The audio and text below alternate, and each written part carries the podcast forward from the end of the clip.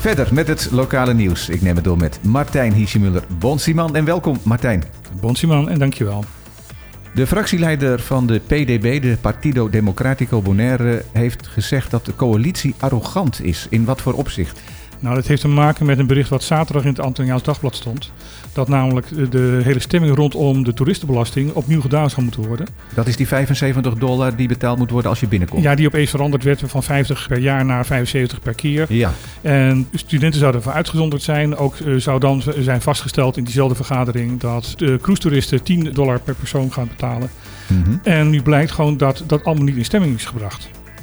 En dus niet uh, rechtsgeldig En niet daardoor? rechtsgeldig zijn. Alleen het voorstel van 50 dollar per jaar is in stemming gebracht. En de rest niet. Clark Abraham heeft daar gedurende de vergadering, en ook de, de griffier trouwens, ervoor gewaarschuwd van jongens, jullie gaan de mist in. En Clark Abraham is toen weggehoond door de andere partijen. Van, van ja, je wilt natuurlijk weer de zaak tegenhouden, want je bent het er niet mee eens. De boel traineren.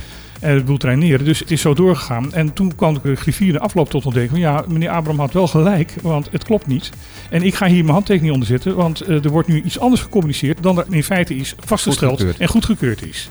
Dus wat moet er gebeuren? Er moet bij de volgende beslissende vergadering, je hebt altijd informatieve vergaderingen waar dus de fracties in geïnformeerd worden over alle mogelijke zaken. En Mhm. daarna heb je een beslissende vergadering waar dus de beslissingen worden genomen. Bij de eerstvolgende beslissende vergadering zullen al die moties en al die amendementen zullen weer opnieuw in stemming gebracht moeten gaan worden.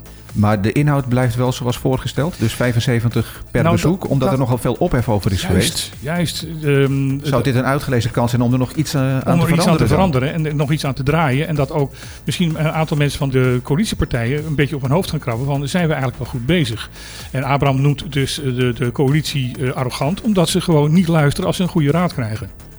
Het prikteam komt naar de wijken. Ik neem aan dat het gaat om de tweede boosterprik. Nou, ook mensen die nog helemaal nog niet geprikt zijn of geen tweede prik hebben gehad of geen eerste booster hebben gehad, die kunnen ook dat ko- komen halen. Ze hebben, hoeven daar geen afspraak voor te maken. Eh, dus- de, de noodzaak lijkt een beetje voor veel mensen verdwenen nu. Hè? Nu alles weer back to normal lijkt te zijn. Ja, en publieke gezondheid zegt jongens, het is back to normal door die vaccinaties. Eh, als Ja. we dat niet hadden gedaan, dan hadden we nu nog met hele grote problemen gezeten. Het feit dat 80% van de bevolking gevaccineerd is, zorgt ervoor dat wij op deze manier eh, de zaak in feite kunnen loslaten. Dus het is belangrijk dat er nog steeds geprikt wordt. Want het is nu bekend dat na drie maanden de effecten van zo'n vaccinatie minder worden. En dat er dan weer een booster moet komen. Dus zij zeggen van jongens, kom, kom, kom, kom voor de boosters. Maar ook als je nog helemaal nog niet gevaccineerd bent, kom. Want het helpt echt. Dus eigenlijk kan iedereen daar terecht. Het maakt niet uit hoe oud je bent Nee, of je wel of geen onderliggende klachten hebt. Nee, eh, je kan er allemaal terecht en je hebt geen afspraak nodig. Het enige wat je moet doen is je cedula meenemen. Eh, Wanneer gaan ze de wijk in? De 26e, dus dat is eh, morgen. Ja.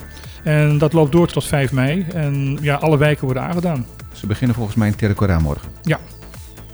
10 jaar rifherstel op Bonaire. Zo lang alweer? Ja, zo lang alweer. En met heel veel succes dus. Ik kan me nog herinneren dat dat werd aangekondigd. Nou ja, dat is dus al tien jaar geleden, maar dat lijkt nog maar een jaar of vijf. Ja, maar in 2012 is de eerste koraalkwekerij op Bonaire geïnstalleerd. Ze hebben echt eh, heel veel succes. Ze hebben eh, grote dingen gedaan. Zij zeggen dat sinds 2013 er meer dan 41.000 koralen zijn ingeplant. Op 9.000 vierkante meter koraal. Dat is heel veel. Dat is echt heel veel. En dat ze op dit moment 75 verschillende soorten koraalstammen kweken en met verschillende technieken eh, ja, eh, vermenigvuldigen en dat dan weer uitzetten. Ja, de organisatie die dat doet is de Reef Renewal Foundation, een stichting dus. Ja. Als je dan terugkijkt wat tien jaar geleden gepland is, wat moet je daarvan voorstellen? Hoe ver is dat dan gegroeid in tien jaar? Nou, dat is moeilijk aan te geven, maar zij zelf zeggen, en daar, daar hebben ze ook wel bewijzen voor, dat als het niet was gebeurd, het koraal op dit moment echt in een veel slechtere staat zou zijn dan nu. Ja, het zou mooi zijn als er wat foto's ergens te vinden Ja. zijn die dat kunnen vergelijken. Hoe het was Ja. en, hoe, en hoe het is. Er is wat onduidelijkheid over de invoeringsdatum van de dubbele kinderbijslag die is toegezegd. Er is toegezegd dat per 1 juli 2023 dat wordt ingevoerd hier.